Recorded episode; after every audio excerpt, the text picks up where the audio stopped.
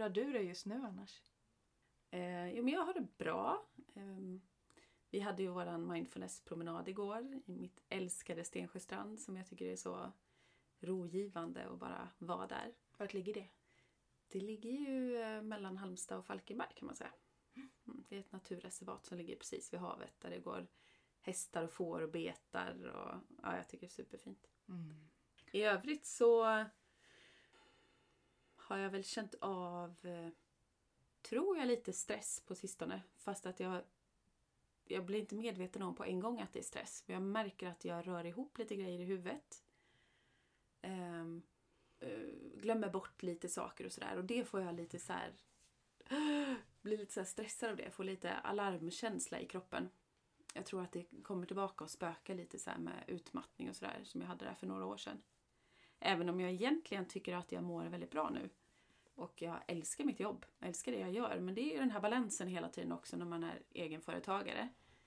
Liksom, vad är mina arbetstider? När jobbar jag? När är jag ledig? Det är, ibland kan jag uppleva att det flyter ihop lite.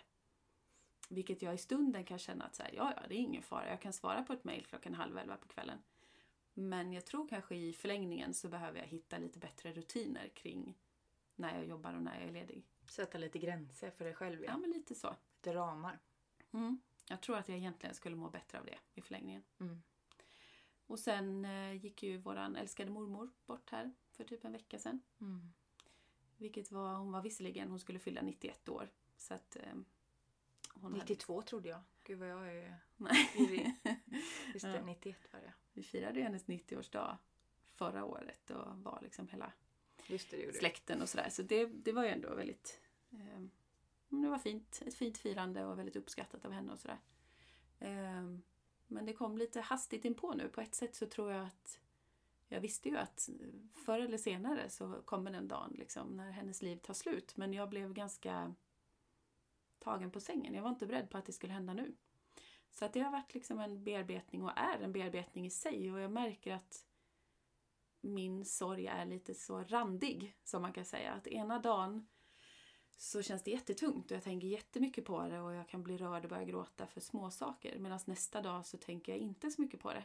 Och livet pågår och fortgår som vanligt. Så det går lite upp och ner men eh, eh, ja, det finns liksom med mig i bakhuvudet. Mm. Hur känns det för dig?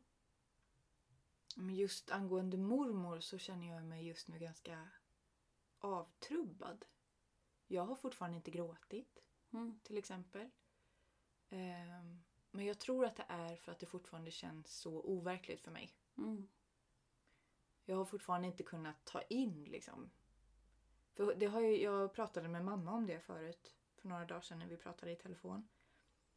Och jag kom fram till att det har varit så många eh, många gånger med falskt alarm eller vad man ska säga med mormor. Mm. Hon har ju haft väldigt mycket verk. Hon har haft ganska många gånger där man känner så här nu är hon nog allvarligt sjuk. Nu kanske det inte går längre. Mm.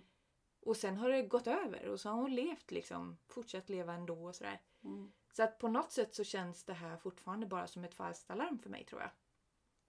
Ehm, så det är nog inte förrän kanske på begravningen eller så som poletten kanske kommer trilla ner för mig. Sen bodde hon ju också några timmar bort. Så vi träffade ju inte henne eh, liksom varje vecka eller sådär. Eh, och det var ju lite samma för vår farmor gick ju bort för ungefär ett halvår sedan. Mm. Och det var också lite overklighetskänsla och det var ju samma att hon bodde också några timmar bort. Mm. Så att för oss har det varit ända sedan vi var små egentligen. När vi bodde liksom i, i Stockholm och de bodde på västkusten och respektive Småland då. då det var ju samma där, att vi träffades liksom några gånger per år. Så det har ju varit det vanliga för oss. Att så här, ja, ja, men då ses vi om två månader igen. Så det är det som är konstigt att så här, nu kommer vi inte träffas mer. Nej, och jag tror inte att den poletten har trillat ner hos mig som sagt. Nej. Och jag, jag har för mig att jag inte grät liksom, när farmor dog heller. Det tog några månader för mig nästan. Mm. Jag grät på begravningen lite grann precis när jag stod vid hennes kista när de precis skulle liksom typ sänka ner kistan. Och Mm. jag skulle, när alla andra hade gått iväg och jag skulle säga hej då till Mm. farmor. Du fick en egen stund där. Ja, då blev det riktigt. Mm. Eller då, då började jag gråta. Och nu blev jag rörd igen. Mm. Men, och ja, det tog liksom ganska lång tid och sen ja, några månader efteråt då tänkte jag väldigt mycket på farmor och drömde om henne och, och grät ganska mycket liksom. Mm. Ehm, så det kanske kommer med mormor också. Mm. Förmodligen så gör det ju det sen. Mm. Ehm, Men sen, än så länge så är jag fortfarande bara i någon overklighetskänsla. och så har det väl egentligen varit eh, genom uppväxten också för dig och mig. Att jag oftast har varit den som har gråtit lättare och oftare. Eh, och du har väl ibland också hållit inne gråten för att du vet att du får ofta ont i huvudet och du mår ofta Mm. fysiskt dåligt efter du har gråtit. Ja, alltså för mig. Ja. är det mer en lättnad. Ja. För mig är det så här skönt, nu fick jag ut det ur systemet. Ja. Så Ja, jag tror ibland att du håller emot liksom. Ja, så är det säkert. Och för många gånger så säger ju, säger ju andra så här, men släpp ut det bara så mår du bättre sen. Och jag mår inte bättre sen. Inte din kropp i alla fall. Nej, precis. Nej. Och det är ofta, det har jag märkt också att börjar jag tänka på sorgliga saker eller något som gör mig ledsen och börjar gråta. Då är det precis som att de hormonerna sköljer över mig och stannar kvar. Mm. Det är inte att de sköljer över och försvinner utan då kan jag då blir jag låg liksom i flera dagar sen. Mm. Så ibland så är det, känns det bättre för mig att inte släppa fram dem. Mm. Kanske släppa fram dem på ett annat sätt. Mm. Kanske gå ut och gå i skogen eller få tid att bearbeta i lugn och ro. Men just det här gråten, det... Nej, det funkar bättre för dig än för mig. Mm. Faktiskt. För jag, eh, när pappa ringde och berättade att mormor hade dött. Det var ju förra veckan så ringde han ju halv tolv tror jag, en kväll. Mm. Och för det första får jag alltid så här, varför ringer han så här sent? Nu har det hänt någonting liksom. Och det hade det ju gjort men på ett sätt så kändes det ju ändå så här, hon var ändå 90 år, nästan 91 år. Och hon ville faktiskt dö. Ja, hon var nog egentligen ganska färdig med livet så. Hon var det. Jag hade ju träffat henne bara några dagar innan. Mm. När hon klart och tydligt sa till mig att Karo, nu vill inte jag leva mer. Mm. Sa hon. Och det är ganska skönt. Alltså jag träffade henne då tre, fyra dagar innan hon Mm, dog. Och då sa hon det. Nu Mm. vill inte jag leva mer. Nu, jag saknar morfar för mycket och nu vill jag till honom, sa hon ju. Mm. Det är kanske därför på sätt och vis som jag inte känner mig så ledsen heller utan jag blir nästan så här glad för hennes skull på något Mm. vis och lite lättad för hennes skull tror jag också. Jag var ju inte med där när ni träffades och jag tror inte att jag hade träffat henne nu på typ ett halvår kanske, nu i och med corona. Eh, däremot så hade jag pratat i telefon med henne för några veckor sedan. Mm. Så jag tror inte jag fick en closure liksom, på samma sätt. Nej. För mig blev det lite så här, va? Och typ två dagar innan eller någonting hade jag precis skickat ett kort till henne. Eh, som hon skulle få fram. Jag tror hon skulle få det dagen efter hon dog. Nej. Där jag hade skrivit typ så här. Ja men ungefär liksom. Du finns i mina tankar och ehm, jag längtar efter att få krama om dig. Och så fick jag aldrig göra det mer igen. Och det känns lite så här. Jaha, Nej. det blir lite jobbigt. Så det när pappa, inte jag. Nej. Så när pappa ringde så blev jag först helt så nollställd, chockad. Bara, Mm. va? är det här, är det på allvar liksom? Sen fick det landa lite i mig och så lyssnade jag på, för mig är ju musik liksom en katalysator. Ehm, så jag lyssnade på den låten, av någon anledning så var det den jag kom att tänka på, men den morfar hade på sin begravning. Eh, den Omkring tiggan från Luossa. Med Sonja Aldén, jag älskar den. Och då började mina tårar rinna liksom. Och sen lyssnade jag på mormors den Drömmen om Elin som var hennes favoritlåt. Mm. Ehm, och sen bara grät jag tror jag resten av den kvällen. Och det var skönt för jag kände att jag behövde den releasen. Mm. Min kropp behövde det. Och sen som sagt så har det gått lite upp och ner efter dess. Men ehm, det är väl något nytt man får förhålla sig till nu helt enkelt. Mm. Det är som det är. Ehm, det är egentligen det enda vi vet med livet. Att vi föds och vi dör. Mm. Så att det, det, är, det har ju sin naturliga gång. Men det handlar ju om att mm, som sagt förhålla sig till det som är och att leva livet så som det är nu. Mm. Utan henne. Min son var ju vaken när pappa, pappa ringde. Det var hyfsat sent på kvällen ändå. Men... Och så frågade han så här, vad var det som har hänt? Vad sa han för något? Och då sa jag bara att uh, han berättade att Mimmi har dött. För vi kallade vår mormor då för Mimmi. För hennes barnbarnsbarn.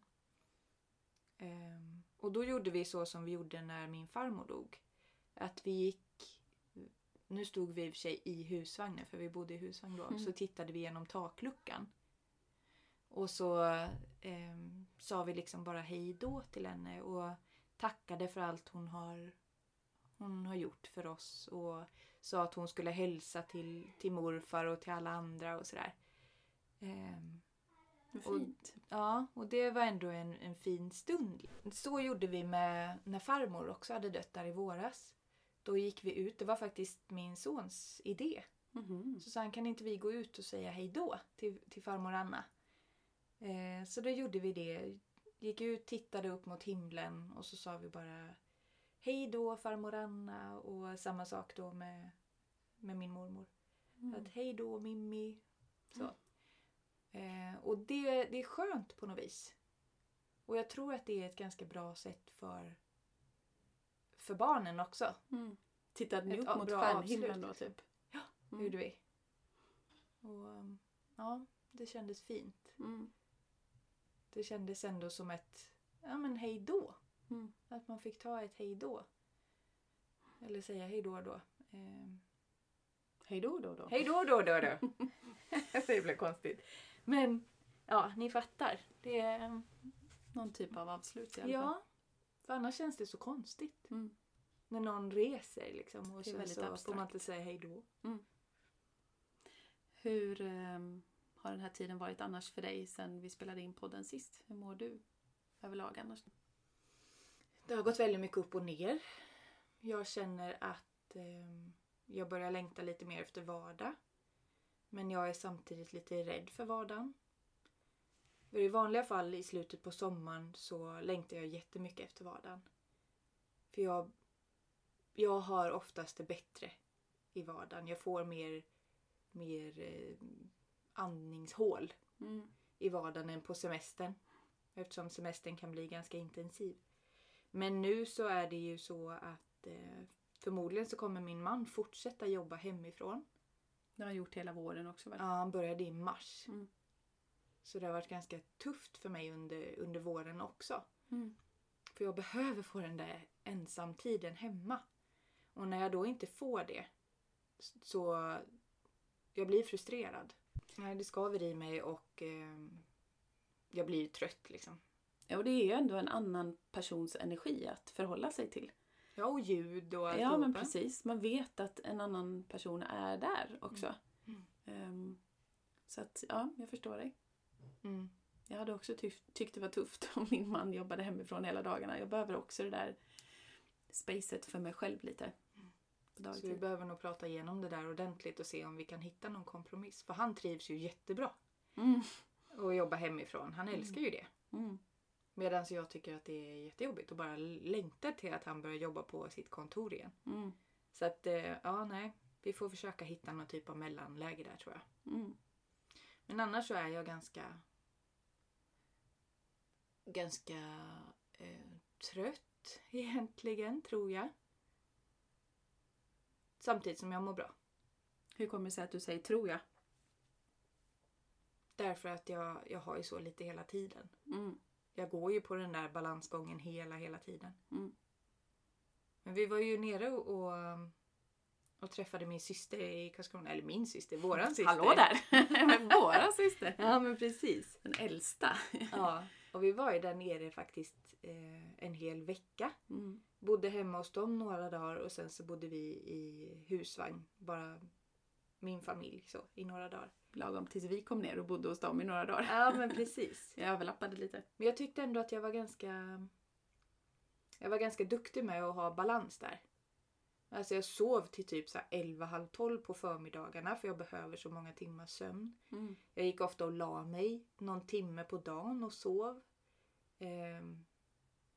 Ja, men så att jag, jag tycker ändå att jag hann återhämta mig ganska mycket även fast vi var där och hälsade på dem. Och vi var inte så intensivt på varandra hela tiden heller. Jag kom att tänka på nu en kväll när vi, eh, både Mias familj och jag och min familj, kom och hälsade på er på campingen. Och vi trängde ihop oss där i förtältet och vi satt och... Hur många var vi nu igen? Var vi 14? 12 eller 14? Nej, kan vi inte vara. Pers. 12 tror jag vi är. 12. Mm. Eh, I alla fall, och vi satt eh, och gjorde någon så här musikquiz eller någonting. Och du var lite trött så du gick in och la dig inne i husvagnen. Men så öppnade du ditt fönster och hängde ut med huvudet lite genom fönstret. Och var med på ett hörn liksom med musikquizet. Men du behövde ändå få lite så avstånd och kunna Mm. gunna lite själv. Jag tog några kort då, det ser så roligt ut. Men bara ditt huvud sticker ut. Ja, jag smög in och la mig där först. Och så tog jag på mina hörlurar och låg och tittade på någon sån här ja, jättefånigt program tänkte jag säga. Men det var någon sån här eh, vad heter det? Reality såpa typ på Mm. min telefon. Eh, och bara gick in i den bubblan i en halvtimme, timme kanske. Och sen orkade jag hänga ut genom fönstret lite Mm. och vara med så på ett hörn. Men det var ju sista kvällen innan vi åkte och då Just kände jag att, att energin började ta slut. Började dina batterier ladda ur. Ja, och sen några dagar efteråt så mådde jag inte alls så bra. Mm. Då hade jag jätteont i huvudet och var trött och yr i huvudet och sådär. Så att det var lite baksmälla. Mm, Det var lite social baksmälla liksom. Så. Men det vet jag att det, det får jag ju. När det blir så. Men det var ändå väldigt mysigt att träffa alla. Ja, verkligen.